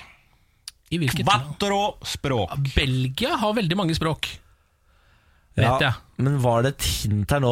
Når Jeg du sa sier quattro. quattro Nei, språk? overhodet ikke. Det var, bare, det var bare for å brife meg at jeg kan flere språk. Fordi Belgia har liksom sånn De har eh, fransk, flamsk eh, og tysk, Tysk. og også nederlandsk, Men Det er ikke så dumt. Belgia tror jeg kan være Jeg tenkte Østerrike, men eh, Belgia er jo enda ja, Sveits Sveits også har mange språk. Det er også italiensk oppi der. Ja. Jeg tror det er Belgia eller Sveits. jeg. Ja, det, tror jeg, det kan stemme. Ja, Husk offisielle språk, da. Ja. Offisielle, ja. Men Sveits, ja. Ikke Jeg, for jeg har vært i hvert fall i Brussel, og der var det skilt på mange forskjellige språk. Jeg Ja. vet Men ikke om det var flamsk ja, Flamsk, fransk Kanskje lener litt mot Belgia, fordi at de har Det er jo offisielt språk. Ja. Ja, jeg lurer på om jeg går for Belgia sjøl. ja, da kjører vi Belgia. Belgia. Ok, Da går vi og får alle svarene. Hvilken svensk housegruppe eh, står bak sangen Don't You Worry Child? Det er selvfølgelig Swedish House Mafia. Yes! Ja, her får du et ekstra halvpoeng, siden Niklas kunne Nei, så å si hele refrenget. Takk for det. Veldig bra. Takk for det. Spørsmål nummer to. I, hvor i kroppen produseres adrenalin? Her var vi gjennom Vi starta på hjernen, vi gikk til leveren, vi nevnte nyrene. Galleblære. Galleblæra kunne det være. Det kunne være mye. Det kunne være hele kroppen. Eh, Det endte nesten på hjertet. Samantha ville ha det på hjertet, og så endte det på nyra. Det er binyremargen. Ah, det er godkjent. det, skal dere få. Ja, det er nyre! Jeg er i gode humør i Det var dag. bra. Vi holdt på å ende på lever, hørte du det? Så sa jeg dialyse. Det var smart. Du, du er veldig smart. Ja. Takk for det. Ikke sant? Veldig fint. veldig fint Takk for det. Eh, Og så da var spørsmål nummer tre eh, I hvilket land i Europa har de fire offisielle språk? Kom igjen. Her var det godt resonnement. Altså. Dere var i riktig om område. Snakka om Østerrike, snakka om Sveits, snakka om Belgia. Endte på Belgia. Det er vel da offisielle språk. Dette kan jeg ikke helt, men flamsk og fransk er vel veldig offisielt i Belgia.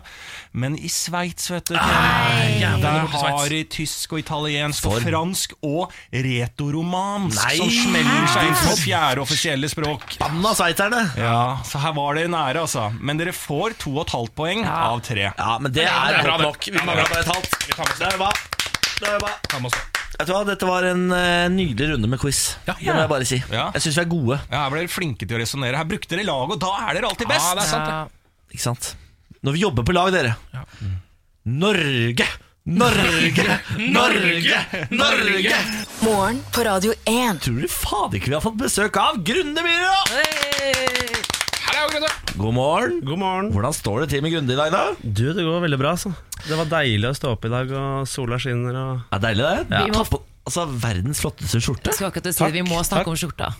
Den er, eh, den er påskegul. Du ser ut som du er liksom tatt rett ut av so sommeren. Ja, tenkte det var greit å bli litt mer usynlig. Det er perfekt. Eh, Grunde, for de som eh, ikke tar opp et navn, så har de sett deg danse på TV2. Eller, de har sett, Det stemmer nok, det, ja. eller eh, vært en liten tur i Mexico. Ja, det stemmer også. Eh, Paradise Hotel. Danset litt der òg. Det var nesten der vi fikk se de første dansetriksene. Ja, Sist jeg så deg danse, var på Gaygallaen. Da kjørte du eh, den der Magic det. Mike-dansen. Ja da. Det var koselig, det, da. Ja, du likte det? Jeg, jeg, jeg likte det veldig godt. Jeg. Så bra. Eh, Grunde, du er her for å fortelle oss noe du vet. Er du klar? Eh, ja. Da setter vi i gang. Fortell oss. Fortell oss, fortell oss noe du vet. Ja, Temaet mitt er da Ikea eller Ikea-møbler. Eh, og for dere lyttere, eller dere som ikke vet da hva Ikea er, så er det et eh, svensk eh, storkonsern som er egentlig roten til eh, enhver diskusjon eller krangel i et parforhold. Eh, og de leverer da flatpakkede møbler som du må montere selv, og dermed en lav pris. Eh, det er da elsket og hatet av folk verden over, spesielt for ekstremt eh, vanskelige bruksanvisninger. Og dermed også da å montere. Det er altså umulig å forstå. Ja, det er umulig. Umu jeg har ikke nok IQ til å forstå Ikea sine bruksanvisninger. Og da sitter du igjen med noen skruer. Eller sitter du egentlig ikke igjen med noen skruer, så har du egentlig gjort noe feil. uh, Hele poenget er at man med enkle verktøy, skrutrekker, hammer og den velkjente Unbraco-nøkkelen, som er selve symbolet på IKEA-møblene, skal du kunne montere så å si alle eh, møblene som IKEA leverer. Det er eh, Det er Ikea, det. Ja, det er Ikea. Hvor, hvor god er du på Ikea selv, Grunde? Jeg vil anse meg som eh, veldig god. Jeg har montert eh, hele mitt eget kjøkken eh, hjemme. Eh, jeg har montert hele skapet mitt, og egentlig alt som vi eier av Ikea-møbler hjemme, har vel jeg montert det. Følger du bruksanvisningen, eller tar du det litt på gefühlen? Du vet, altså, mange sier at uh, bruksanvisning er så vanskelig å forstå, men hvis du først forstår konseptet til Ikea, så er det egentlig veldig enkelt, fordi du alle, alle møblene har det samme systemet. Da. Du har på en måte sånne, når du skal sette sammen for eksempel et skap, da, så har du for eksempel sider hvor det er treplugger. Ja. Og så har du da en sånn skrue, altså mentalskrue med et litt sånn hode på toppen som du låser med en sånn låseskrue i den andre enden. Ja. Så hvis du bare forstår det konseptet der, Ja. så kan du egentlig montere alt. La oss, Så, la oss snakke litt om de låseskruene, Grunde Myhre. Fordi eh, de, de låseskruene de går bare rundt og rundt, og rundt Og de, eh, når du setter to plater sammen, så er den skrua faen meg aldri lang nok til at den låseskrua liksom får tak i den skrua. Det er et helvetes styr. ja, så jeg oppmøtte det problemet da Ikea hadde um, disse um, låseskruene med i plast, men nå har de gått tilbake igjen til metall. Aha. Så de har hevet kvalitetsnivået, men dermed også da løst det problemet. da Så du mener at jeg kommer aldri til å oppleve dette igjen, fordi nå har de gått over til metall? I hvert fall så har ikke jeg opplevd det på det siste jeg har gjort. Men du nevnte jo det her med parforhold, og det, det stemmer jo, for jeg har jo sagt det tidligere også, men jeg pleier ikke å krangle så ofte med kjæresten min, men når vi er på Ikea, eller er i nærheten av montering av Ikea-møbler, så krangler vi alltid, uansett hva. Det er faktisk roten til veldig mye krangel, og det er Ikea sin feil. Ja. Ja. Er det de dårlige kjøttbollene kanskje som setter i gang De er eh, dritgode, det er den eneste grunnen til at jeg drar dit. Oi sann. Oi sann. Ja, altså, ja, det er greit. Det, det skal du få. Eh, hva er det du er mest stolt av at du har laget fra Ikea? Er det kjøkkenet, kanskje? ja, det må være kjøkkenet. Altså, er- Snakker vi et full size kjøkken her? Eller Ja, vi snakker et eh, fullt kjøkken, ja. Å, fy Høyskap fader.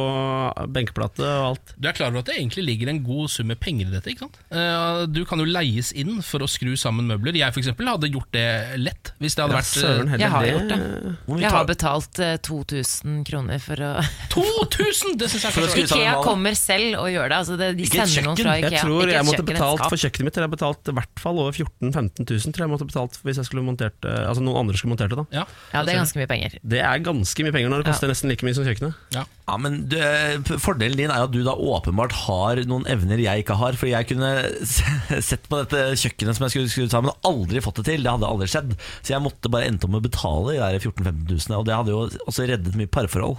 Så spørsmålet er er forholdet mitt verdt 15 000 kroner. Jeg gjetter på ja.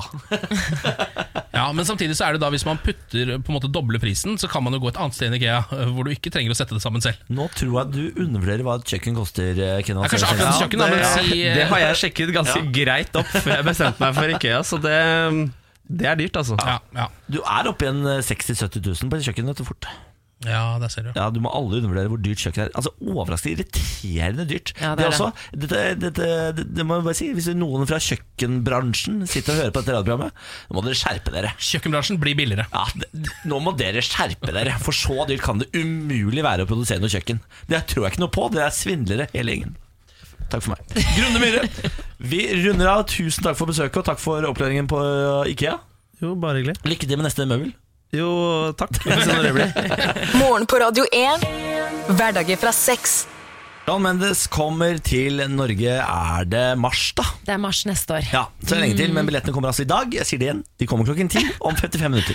Jeg er veldig opptatt av dette, fordi jeg vil at alle som er glad i Sean Mendes skal komme og se på Sean Mendes. Jeg elsker Sean Mendes Jeg selv. Jeg liker musikken hans, men jeg liker han som person og utseendet hans enda bedre. Ja, fordi Samantha har lyst til å nedlegge Sean Mendes. Ja. Og det som er fint, er at han Det har blitt 20 år når han kommer til Norge. Yes! Ho, Det er ikke- ho, Det er ikke noe krav for meg at han skal være 20, alt over 17. tenåring. Nei, nei, nei, Niklas. Ja, men det er, jeg, det er jeg som står først i køen, Det er- uansett. Det er ikke noe kriminelt Ja, på å si er det det? Det er ikke noe kriminelt, det. Alt over 16 er lov. Ja. Jeg har tatt noe over 16 år. Ja, men Da er han i hvert fall ikke tenåring. Det føles i hvert fall ikke like ille eh, når jeg først da skal Ja. møte sånn. Det Ja, det er klart det er en moralsk gråsone, men, eh, men, men rent hva hva er den moralske juridisk gråsonen? Den moralske gråsonen er jo de månedene opp til 16. Ja, Niklas, uansett hva du sier, så blir det bare ekkelt. Så bare slutt. Greit, jeg gir meg. Vet du hva? Eh, makabert fotmysterium i Canada. Politiet har funnet 14 menneskeføtter Nei, i sko. Pernille, jeg har unngått den saken. Ja, altså, Politiet i British Columbia i Canada har nå funnet den 14. menneskefoten som er vasket i land i en sko de siste 11 årene uten resten av kroppen.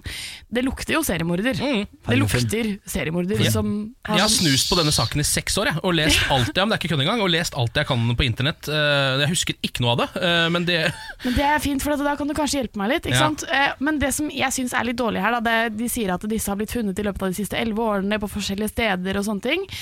Men så mener altså Andy Watson, rettsmedisineren, at eh, det ikke er eh, noe kriminelt Mm. involvert her. Eh, De mener at noen har sklidd og falt i vannet, noen som har blitt tatt av bølger. De tror rett og slett at føttene har blitt skilt av fra resten av kroppen på naturlig vis i sjøen, hvor skoene har hjulpet til å bevare selve foten. Ja, for det kan man vel se på sånn når man eh, tar sånn eller obduksjon, ikke obduksjon og har føtter, jeg vet ikke om man gjør det, men om de er sagda eller ikke. Jeg er jo på en måte, jeg er jo på en måte 60 psykopat, eh, så jeg kan jo tenke meg ganske mange måter du kan få av en fot uten at det skal se kriminelt ut. Fordi 14 føtter på 11 år, det, er jo ikke, det burde jo vært noe annet som hadde skylt i land før disse føttene. Du kan jo bare henge de og da liksom duppe bare føttene nedi vannet, skjønner du. Ja, for det er ikke Så sånn at de det har også fått inn for tolv hoder og tolv overkropper og tolv eh, torsoer, holdt jeg på å si. Det er ikke det, for det har de ikke fått. Nei, og det er bare, føttene. Det er det som er så jævlig rart. Det kommer til å komme ekstremt mye turister ned til det stedet her nå. Med folk, folk med ekstrem fotfetisj kommer til å valfarte sånn, nedover der ah. og vase strandelangs. Men dette blir jo da altså nekrofiliutgaven av fotfetisj. på en måte. er det er en veldig Men spesiell kanskje fetisj. det, egentlig, kanskje det egentlig er bedre, Fordi da, da slipper du på en måte å innrømme at du har en fotfetisj. For da er det bare Du og Altså, foten. pa- Ja. Foten vet jo ikke. Nei, foten vet jo ikke bedre, stakkar. Så, så, Føttene vet alltid, Pernille. Hva er det du snakker om? Føttene har følelser. Jeg har veldig følsomme føtter. Har du veldig følsomme føtter? Ja, jeg liker ikke å snakke om det engang. Men jeg er helt sikker på at eh, om sånn tre år, når eh, 14 til føtter har eh, flydd i land, så tenker de at eh, nå må vi finne denne seriemorderen. Ja. The Foot Killer. ja. Åh, Nei, det det, er bra navn på, det er bra navn på det drapsmann. Vær så Altså. god, nå, nå fikk du det av meg. The Foot Killer. Jeg bare putter det ut der. Ja, og Hvis du først begynner å interessere deg for dette, så er det altså så mange Reddit-artikler som du kan dykke ned i. Så kos deg, nå har du noen gode år foran deg. Fy faen, Tenk deg smell på litt grann footloose der på stranda der.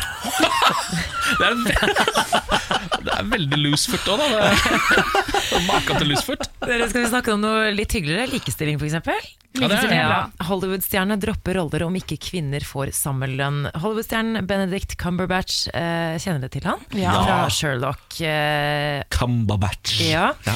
Eh, Avengers osv. Eh, han mener at skuespillere bør boikotte filmprosjekter hvor det ikke er likelønn mellom eh, kjønnene. Ja, En liten applaus der, ja. Eh, I fjor ble det kjent at verdens best betalte kvinnelige skuespillere tjener mindre enn tiende best betalte mann. Det skiller mer enn to milliarder kroner mellom eh, de ti best betalte kvinnelige skuespillerne og de mannlige, ifølge Forbes.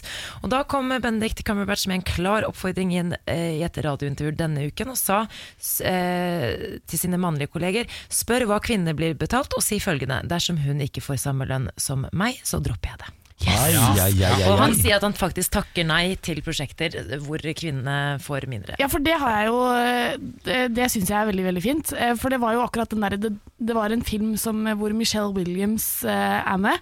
Uh, som Dawson's måtte- Creek, Ja, Michelle? eh, Ja, ja, det er det er vel faktisk det hun er fra, der hun er fra originalt. Men der de måtte reshoote store deler av filmen fordi at de måtte klippe vekk han ene fordi det var noe metoo-opplegg og sånn. Ja, det var ikke Dawson som tjente mer. Det var jo ja. Det kan ikke stemme. Og da, og da, men da fikk jo hun sånn type eh, tre kroner timen i forhold til hva han fikk Ja. når han var der. Ja. Fordi at eh, hun fikk bare liksom si 500 000 dollar, mens han fikk 37 milliarder. Ikke Det er ganske store forskjeller. Ja, det skjedde også i The Crown for øvrig. Hun eh, Ja. som spiller Elizabeth, tjener mindre enn han som spiller uh, Chumin. Ja, Claire Foy. Ja. the fuck? Ja. Det skjønner jeg ikke. Eh, Det er litt sjukt. Det er jo fordi han er en langt mer kjent skuespiller enn henne. Da. Så du Ikke nå lenger. å, nei, ikke nå lenger, men når de, kon, når de forhandlet kontraktene, så var han, han jo det. Og Nå har de jo ordna opp i det og avvikla det, eh, men Claire Fox skal jo ikke være med i den neste sesongen av The Crown, så hun får jo ikke Skal hun nyte ikke? disse Nei, godene. Jeg fordi tror ikke jeg har byttet ut skuespilleren på nesten alle, for det, nå skal jo de på en måte flere Ja, de skal år bli fram i eldre. tid. De skal bli eldre. Ikke sant? det er hun eh, morsomme hun Helena Bonham Carter. Hun skal spille en av hovedrollene. Så nå kan det hende at eh, hun tjener like mye som det den neste. Det håper vi da vel. Mm. Nei, men Det er vel en liten applaus til uh, Ber, Ber, uh, Benedict Bernadette Cumbercock, det. Cumbercock. Morgen på Radio 1. Hverdager fra seks. Det er på tide med ukas bekymring, dere. Fordi jeg er jo et produkt av egen generasjon eh, og står fram som et prakteksempel på eh, En Ja. millennial. En millennial. Ja. Jeg er en bekymra fyr og har uh, mye tanker og mye Og ja, ja, rett og slett. Nå ble jeg sånn ja. Ja, ikke- ja, jeg sliter noe med mitt, da. Rett og slett fordi jeg glemte hva jeg skulle si sånn, eh, på den der greia der. Men denne uken her så har jeg tatt på meg bekymring fra alle russeforeldre eh, og alle ensomruss. Fordi hvert eneste år i russetiden så kommer det opp masse saker i media om russ som på en måte aldri blir invitert med ut på ting. Ja. Og, og russ som er alene, og som ikke har noen venner på skolen. Og som på en måte Åh, og det syns jeg er så nitrist. Jeg blir bare sånn Jeg blir selvmordsbekymra for disse russene, for det kan jo være Det er jo en ganske sånn der, tid der du finner deg selv type, eller du tror i hvert fall du finner deg selv. Og Det er en veldig sånn viktig tid i livet, og så blir du holdt utenfor, og det syns jeg er så nitrist. Ja, det skjønner jeg. Spesielt en sånn sak eh, som kom opp for et par år siden, der det var en russemamma da, som hadde skrevet en kronikk i Aftenposten, der hun skrev at eh, sønnen min gledet seg til russetiden og kjøpte en sixpack med øl, og den sto inne i 17 dager. Den ble aldri tatt med ut. Og det, det er jeg syns det er så trist. Det er, ja, takk skal du ha. Det er så nitrist.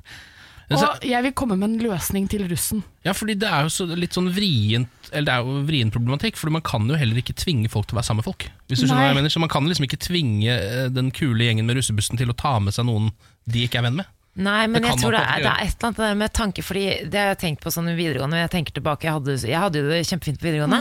Eh, jeg så ikke noe mobbing eller tenkte sånn nei, ingen var utestengt og sånn, men det er jo klart at det var tilfeller. Fordi det er jo ikke det at man går inn for å være slem, det er jo ikke at alle gjør det, men bare at man får en tankevekker sånn oi, kanskje man skulle uh, invitert med det mennesket eller et eller annet sånt. For du, te, du tenker litt for mye på deg sjæl og de rundt Ja, deg. Det At kanskje en liten tankevekker kan hjelpe, da.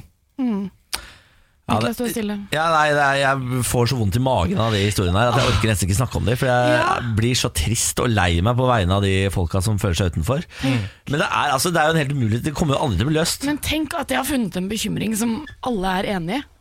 Ja, ja, Du skal være, du skal være ganske ræva menneske hvis du ikke er enig i denne bekymringen. Ja. Men jeg Jeg syns det er ålreit at folk er utenfor og har det trist. Men det vi jo på en måte må huske på at, altså, For nå tar vi det opp fordi det er russetiden, og da blir det fokus på det. Men dette er jo folk som er alene hele tiden. Altså, det. det her er jo bare på en måte Da er verre fordi det er russetid, og alle blir, det andre har så mange blir jo så ekstra liksom, hypet opp i russetiden, fordi da er alle sammen, og det er, sånn, det er bare kjærlighet, og folk er drita, og liksom ah, Vi elsker hverandre, og så blir det ikke det. Så jeg har et forslag, og det er at eh, når man begynner i første klasse på videregående, så får man en eh, en partner, holdt jeg på å si. Nesten, eller sånn, Fadder, liksom? Ja. Nesten som en fadder. Bare at det blir som en partner som du har utover hele russetiden, som bare er sånn regler, rett og slett. Altså at Som i første klasse, når Du du, har leiepartner, så har du en partner også på videregående. Jeg hadde det på skolen. Den partneren tror jeg så to ganger den fadderen. Ja. Men det er ikke fadderen vi skal snakke om, nå er det partneren. Og leiepartneren har du jo hver gang du går på tur. Leiepartner? Ja, leiepartner man har i første klasse på barneskolen. Vi tar det med til videregående og får det på. Jeg tror ikke vi hadde leiepartner. Jeg liker forslaget, Pernille. Helt med på den. Men, eh, ja, nei, men herregud, få leiepartner kommer ikke til å se rart ut i det hele tatt. Det. Alle går på sånn lang rekke. Ja, det der tror jeg kommer til å løse alt. Bra, Pernille. Morgen på Radio 1. That was the podcast. Nå har vi 50 sekunder til låta vi spiller på radio er ferdig. ja.